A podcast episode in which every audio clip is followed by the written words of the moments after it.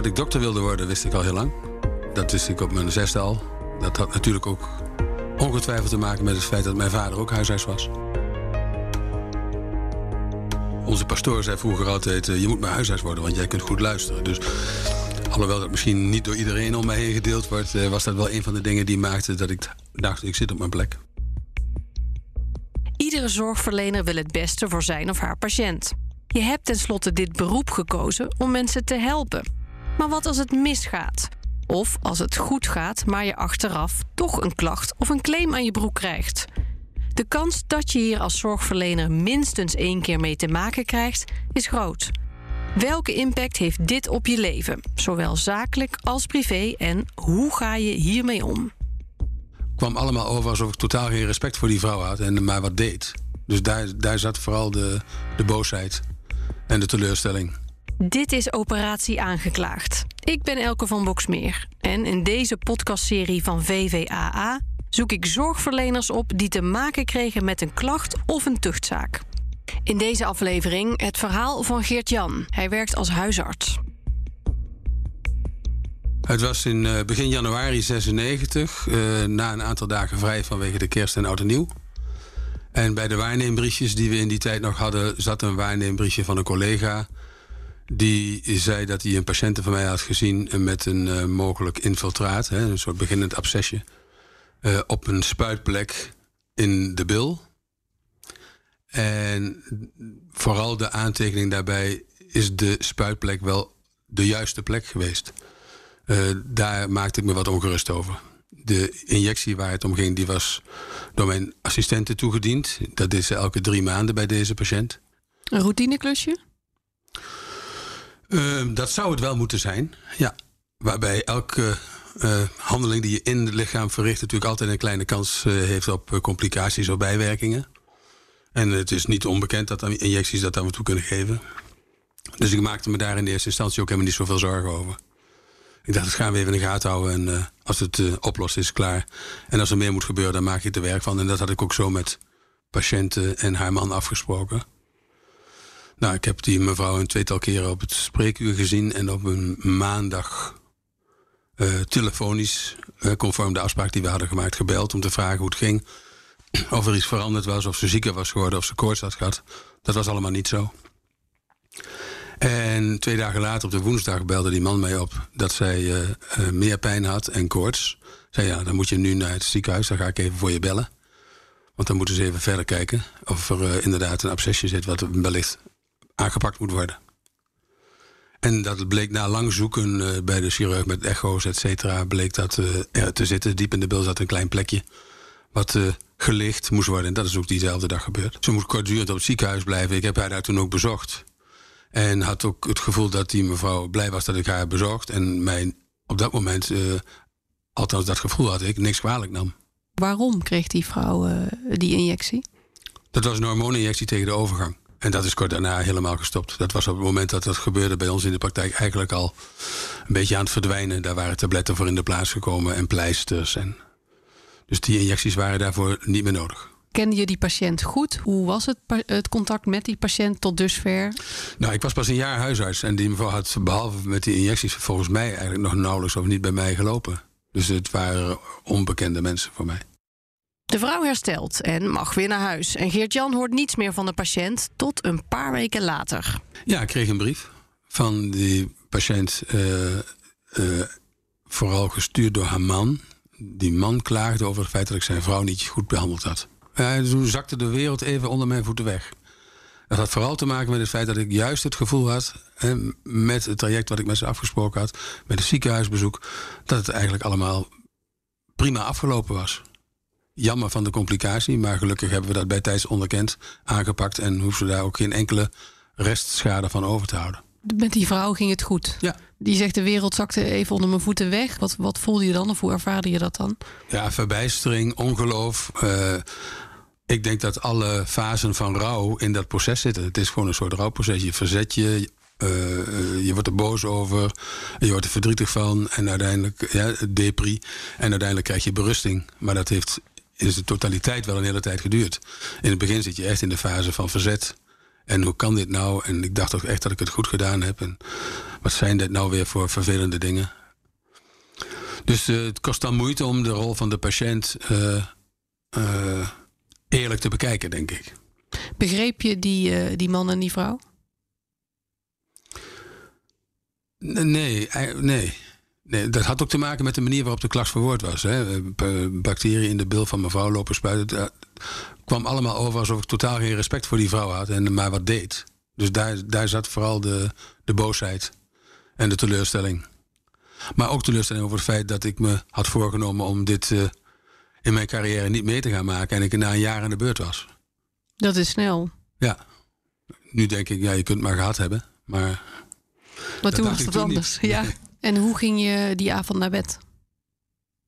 Balend. En vanaf dat moment heeft het wel een uh, belangrijk. Is het altijd als een soort uh, zoemende bij in mijn hoofd geweest. In de officiële klacht die wordt ingediend, wordt Geert-Jan verweten dat hij de patiënt niet op de juiste manier heeft gevolgd na het krijgen van de prik. Wat was het eerste wat je daarna deed? Uh, verdrietig mijn vrouw vertellen wat me nou aan het overkomen was. Ja. Ik had praktijk aan huis. Uh, dus ja, assistenten en echtgenoten zijn altijd dichtbij uh, op alle werkdagen. En vervolgens heb ik het ook met mijn maten in de huisartsengroep in de Agro uh, besproken. En dat was ook wel weer een bijzonder proces in de maanden daarna. Je merkt dat je collega's je heel erg willen steunen. De neiging hebben om te zeggen, nou die patiënt die komt er bij ons ook niet meer in. Zijn ze nou helemaal betoeterd? En ik op een gegeven moment het gevoel kreeg dat ik de enige uh, verdediger van de patiëntenrol was in deze. Dus ze probeerden mij uh, af te schermen van te veel uh, boosheid en verdriet. Maar ik had het gevoel dat dat niet helemaal werkte zoals het zou moeten werken. Had je toen wel meteen vertrouwen in die zaak? Dat je dacht, nou, dit, dit, ik heb wel alles goed gedaan, dus dit komt goed? Of, of was dat lastig? Als ik naar mijn eigen handelen keek, dan, heb, dan had ik daar. Uh, en hij probeerde zelf kritisch naar te kijken. Het gevoel dat daar niet veel mis in was gegaan. Uh, vervolgens bleek ook dat die man die op die woensdag zei dat zijn vrouw koorts had, dat hij dat gelogen had om uh, meer bij mij voor elkaar te krijgen. Hij wilde gewoon naar het ziekenhuis met haar. En dat is op zich ook heel legitiem als je als patiënt denkt dat dat nodig is. Alleen het maakte wel dat ik dacht, nou ja, dan, als die man al zelf al aangeeft dat hij gelogen heeft om dingen voor elkaar te krijgen, dan wordt mijn zaak daar waarschijnlijk alleen maar sterker van. Want over het algemeen is het zo dat als je als uh, klager toegeeft dat je gelogen hebt, dan wordt jouw zaak er niet sterker van. Wat was het meest lastige voor je in die, in die tijd? Of wat vond je het, het moeilijkste? Nou, dat het zich op een manier gaat afspelen die je eigenlijk niet kent. Je hebt nog niks met het tuchtrecht te maken gehad in de zin dat je weet hoe dit soort sessies verlopen. Dus daar maak je je allerlei voorstellingen van waarvan je niet weet of die kloppen. Uh, dus je weet eigenlijk niet zo goed wat je te wachten staat. Behalve dan dat het waarschijnlijk zo is dat je uh, ergens laag zit en dat je tegenover een aantal mensen komt te zitten die hoog zitten. Dat bleek ook zo te zijn. Je was net een jaar huisarts. In hoeverre speelde dat een rol in die voorbereiding? Nou, dat, was, dat vond ik wel lastig. Omdat ik, wat ik al zei, me heilig had voorgenomen om uh, niet in dit uh, traject te belanden. En ik er al zo snel in zat. Dus dat maakte me erg onzeker. Het simpele feit dat het over iets met een spuit en een naald ging. Dat heeft er gewoon in die jaren daarna voor gezorgd dat ik drie, vier jaar lang ook bijvoorbeeld schouderinjecties, die we als huisarts heel vaak geven bij schouderklachten, niet wilde geven. Omdat ik de, de vervelende afloop van dit soort handelingen van nabij mocht meemaken. Niet zozeer op het medische gebied, maar op het juridische gebied. Een deel van het vak waar ik eigenlijk te weinig rekening mee had gehouden. Dan volgt een hele tijd later de dag van de uitspraak in Zwolle. Slecht geslapen, uh, kort geslapen, heel vroeg opgestaan. Uh, vooral gezorgd dat ik niet in verkeersproblemen terecht zou komen, zodat ik te laat zou zijn. Dus je bent 20 minuten te vroeg. Uh, binnendoor van mijn woonplaats naar Zwolle gereden. En dan word je eigenlijk voor het eerst pas echt geconfronteerd met de mensen die over je geklaagd hebben. En de mensen die daar een oordeel over gaan geven. Dat vond. Ik denk dat als ik dat nu nog een keer zou meemaken, dat ik er nooit meer alleen naartoe zou gaan. Dat je gewoon toch behoefte hebt aan iemand die uh, je niet veroordelend, maar wel begeleidend uh, steunt en opvangt. Zoals iemand die. Ja, een beroepsgenoot die, uh, die niks met de zaak te maken heeft. Uh, misschien niet je vrouw, omdat die ja, geacht wordt toch sowieso helemaal op jouw hand te zijn. Maar het is ook prettig om iemand die het klappen van de zweep in de zorg kent, om die aan je zijde te hebben. Die kan zeggen, nou, je deed het best goed. Of, maar ook omdat als er eventueel nog een vervolg komt, dat je dan ook een maatje hebt waar je op terug kunt vallen. En het hoeft niet per se je beste vriend in de zorg te zijn, denk ik. Wat is je bijgebleven van die zitting? Dat het inderdaad uh, rechtspraak van bovenaf is. dus je wordt wel in een positie geplaatst, in een ongelijkwaardige positie geplaatst. En wat me bijgebleven is, is dat de klager heel veel ruimte krijgt en de professional geacht wordt professioneel te handelen, te denken en te praten. En dat is best moeilijk als je er zelf heel emotioneel in zit. Dus je bent wel in die maanden daarvoor bezig geweest om je voor te nemen zo zakelijk mogelijk te blijven, ook al is dat niet helemaal je aard. Lukte dat? Ja, ik vond dat dat wel lukte. En ik had het gevoel dat ik in Zwolle goed gehoord werd en daarom was de uitspraak voor mij ook een tegenvallen. De klacht wordt gegrond verklaard en Geert-Jan krijgt een waarschuwing. Wat was het eerste wat je toen dacht? Wat betekent dit? Of uh, nou mag ik niet nog een keer iets verkeerd doen. Want uh, als je weer zo'n fout maakt, dan heb je een berisping te pakken. En dit wordt alleen maar zwaarder. Maar vooral ook van, god, wat waardeloos dat ik nou dat wat ik niet wilde hebben aan het begin van mijn carrière heb. Hoe ga ik dit dan nog uh, 25 jaar met, bij één waarschuwing houden? Dat zijn allemaal dingen die door je heen gaan. Ja. En die spelen ook een rol in, ga ik in beroep of niet? Want je komt gelijk voor de afweging te staan. Stel je voor dat ik in beroep ga. Kan de straf dan nog zwaarder uitvallen? Of gaan we uh, klaar zijn? Uiteindelijk besluit Geert-Jan na overleg met zijn advocaat in hoger beroep te gaan. Ik hield rekening met de mogelijkheid dat er een bevestiging zou plaatsvinden. Ik had gehoopt dat die uh, uh, ma maatregel zou worden ingetrokken. Maar er kwam een lichte verzwaring van de maatregel uit.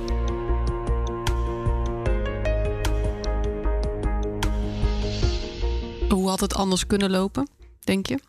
Nou, ik had verwacht dat de advocaat harder voor mij zou vechten. Maar dat is ook weer niet helemaal zuivere aanname, omdat zo'n tuchtzaak nou juist ook gaat om wat de patiënt te vertellen heeft en wat de dokter te vertellen heeft. Dus het is niet zo dat ik daar als verdachte in een bankje zit en van mijn advocaat te horen krijg en je houdt je mond. Nee, het is juist een situatie waarin je geacht wordt zelf aan te geven wat met jou gedaan heeft, hoe jij de zaak ervaren hebt, wat je denkt gedaan te hebben, wat je denkt niet gedaan te hebben. Dus dat is daarna wel een hele tijd zo een beetje schipperig geweest tussen uh, moet ik nou tevreden zijn of niet met de ja. manier waarop we het gedaan hebben.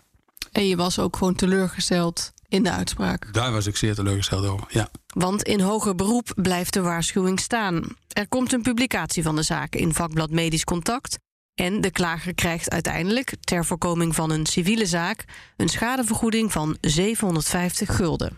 Die beslissing, publicatie, die wordt genomen omdat men in de zaak een element meent te zien wat uh, van belang is voor de hele beroepsgroep om te weten. En dat is nou precies het deel van het verhaal waar ik zelf nog steeds de meeste moeite mee heb. En dat ging met name in de uitspraak van het Centraal Tuchtcollege in Den Haag over het feit dat ik die maandag alleen telefonisch contact met die patiënt heb gehad. En ik door de huisarts in het Tuchtcollege met name werd beticht van het feit dat ik mijn vak absoluut onvoldoende uitoefende door dit soort dingen telefonisch te willen doen. En ik had het gevoel dat ik in het traject daarvoor die mevrouw uh, uh, twee keer had gezien, wist wat er speelde. We kenden allebei de plek, om het maar zo te zeggen. En ik had heel goed met haar afgesproken dat als zij meer last kreeg, dat ze mij direct kon bellen. En dus het was het maandag contact aan de telefoon.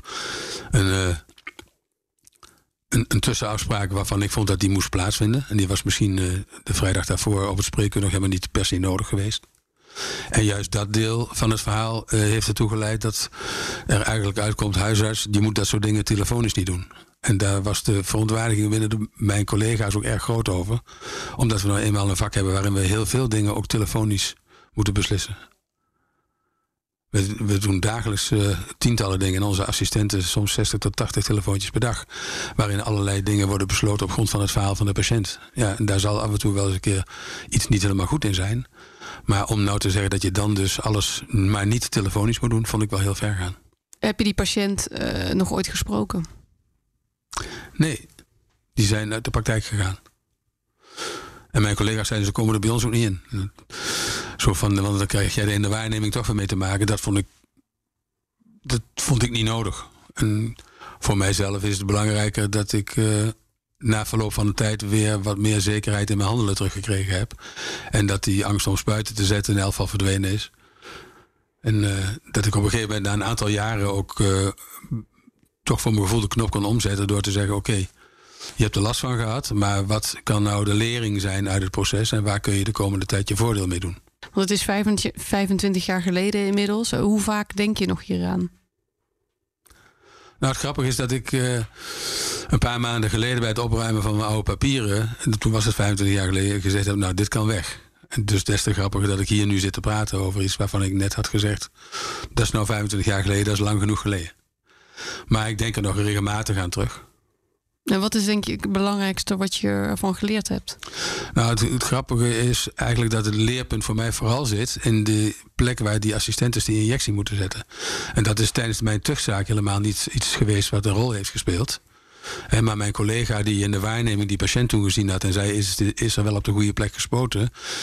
Dat heeft ertoe geleid dat ik daar samen met mijn assistenten naar gekeken heb. Die assistenten vonden het ook vreselijk vervelend dat zij mij natuurlijk in dit pakket had gebracht. Ze zei, ja, het is mijn verantwoordelijkheid. Had ik maar beter moeten controleren of jij uh, op de juiste plek prikt. Maar daar gaan we nu ook werk van maken. Dus inmiddels is het zo dat wij in de praktijk uh, bij alle assistentes controleren of ze nog steeds weten hoe ze moeten bepalen waar die, prillekkende, uh, die prik in de bil gegeven moet worden. En dat we dat ook al teruggekoppeld hebben naar de opleiding van de doktersassistenten bijvoorbeeld. Omdat daar ook te weinig aandacht was voor wat nou dat buitenste, bovenste bilkwadrant van de bil, wat dat nou is en waar je moet zijn. Dus je bent eigenlijk een soort uh, meesterprikker, uh, opleider geworden. Ja, van de bilprik, ja. Ja. ja. Goeie plek. Ja. En wat vind je als je er nu op terugkijkt uh, nog het meest heftig? Nou, dat het je zo lang parten speelt. De, de duur van het traject is niet helpend bij het behoud van je zelfvertrouwen wat je zou verwachten is dus, uh, ervan uitgaande dat iedereen die werkt ook dingen verkeerd doet. Dat het, als iedereen bijvoorbeeld elk jaar twee waarschuwingen zou krijgen, zou het niet zoveel uh, impact hebben. En ik denk dat het wellicht logisch is om te bedenken dat iedereen wel twee keer per jaar iets verkeerd doet, waardoor hij een waarschuwing zou kunnen krijgen. Maar weten dat, dat het geval is, helpt niet tegen het gevoel, maar ik ben de Sjaak.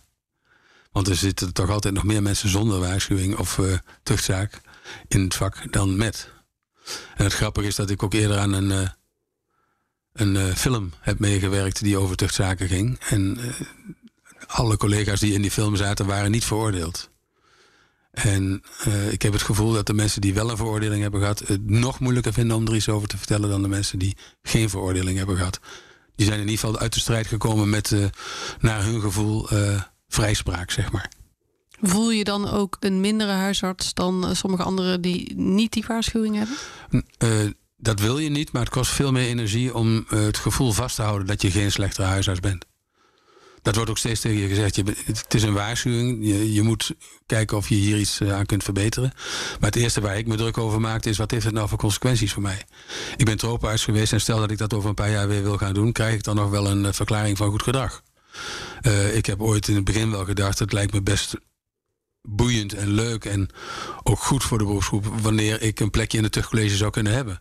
En mij werd verteld dat ik door de maatregel geen lid van het tuchtcollege kon zijn. Of dat nu zo is, nog zo is, weet ik niet. Maar dat is mij toen te verstaan gegeven. Dus er waren wel een aantal dingen die uh, vooral juridisch gevolg zouden kunnen hebben.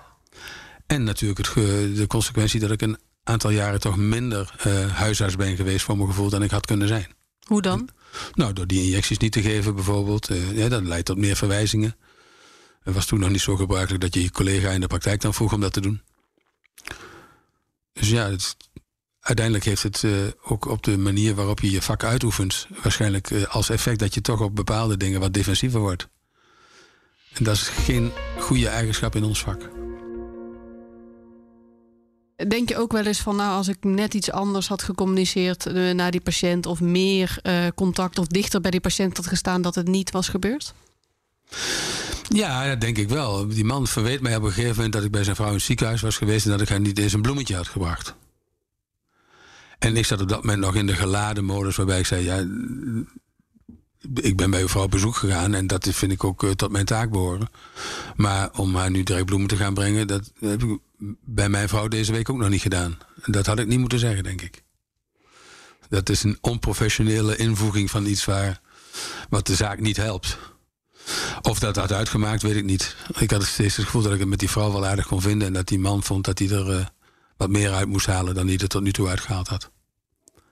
En in dat opzicht vind ik het ook wel een beetje wrang dat het uiteindelijk. Uh, dat die vier jaar 750 gulden bij hem hebben op, bij hun hebben opgeleverd. Dat vond ik wel een eh, geringe opbrengst van vier jaar ellende. Je zei ook iets in ons uh, voorgesprek over uh, dat, je iets, dat je eigenlijk daarna ook iets hebt voorgenomen als het gaat om klachten. Ja, ik heb voor mezelf besloten om het gewoon om, om, uh, om te denken. En ik ga vanaf nu klachten leuk vinden. Dat is de hele korte versie. Het, wat ik eigenlijk bedoel te zeggen is dat ik niet wil weglopen voor klachten, want mensen zullen af en toe wat te klagen hebben over mij. En dat ik moet proberen om me dat niet al te persoonlijk aan te trekken direct, maar gewoon met de patiënt samen op zoek moet gaan naar waar komt die klacht dan vandaan. En me zo open mogelijk op te stellen. Eh, ook al heb ik het gevoel dat ik dingen niet verkeerd heb gedaan, als de perceptie van de patiënt is dat iets beter had gekund, dan denk ik dat het goed is om dat te erkennen en te herkennen. Je zei het net al een beetje, uh, maar we zijn uh, bij de vaste laatste vraag aangekomen die we eigenlijk aan alle deelnemers stellen. Wat zou je willen meegeven aan iemand die dit ook meemaakt of misschien nog gaat meemaken? Nou, accepteer dat je feilbaar bent. Maak er zo snel mogelijk van je hart geen, geen moordkuil, maar deel het met mensen. Uh, probeer niet direct schaamte te voelen over iets wat verkeerd gegaan is, maar te accepteren dat je een risicovol vak hebt, waarin af en toe dingen verkeerd kunnen gaan. En ga zo snel mogelijk uh, op een erkennende manier gesprek aan met de patiënt die een klacht over je heeft. En, en als die persoon uh, die dit misschien ook meemaakt, uiteindelijk ook een waarschuwing krijgt, wat zou dan je advies zijn? Zo snel mogelijk afsluiten. Ik heb iemand op bezoek gekregen na, uh, van de VWA nadat de uitspraak van het Centraal Terugcollege er lag. En die kwam mij vragen: en wat ga je nu doen? Zei, ja, dat weet ik eigenlijk niet. Zei, nou, zei hij, zo snel mogelijk achter je laten. Wat er nu nog verder afgehandeld moet worden, dat, dat pakken wij op. En je kunt het een beetje vergelijken met als er brand in je huis is geweest, komt salvage om uh, de rookverdrijvers neer te zetten, jouw kinderen een uh, beertje te geven en uh, ervoor te zorgen dat je er van de naweeën zo min mogelijk last hebt. Ik denk dat dat heel belangrijk is. En wellicht is het een idee om te kijken of je naast een advocaat via je verzekeraar ook een makkelijk traject in uh, psychische, mentale vlak zou kunnen krijgen via diezelfde verzekeraar misschien.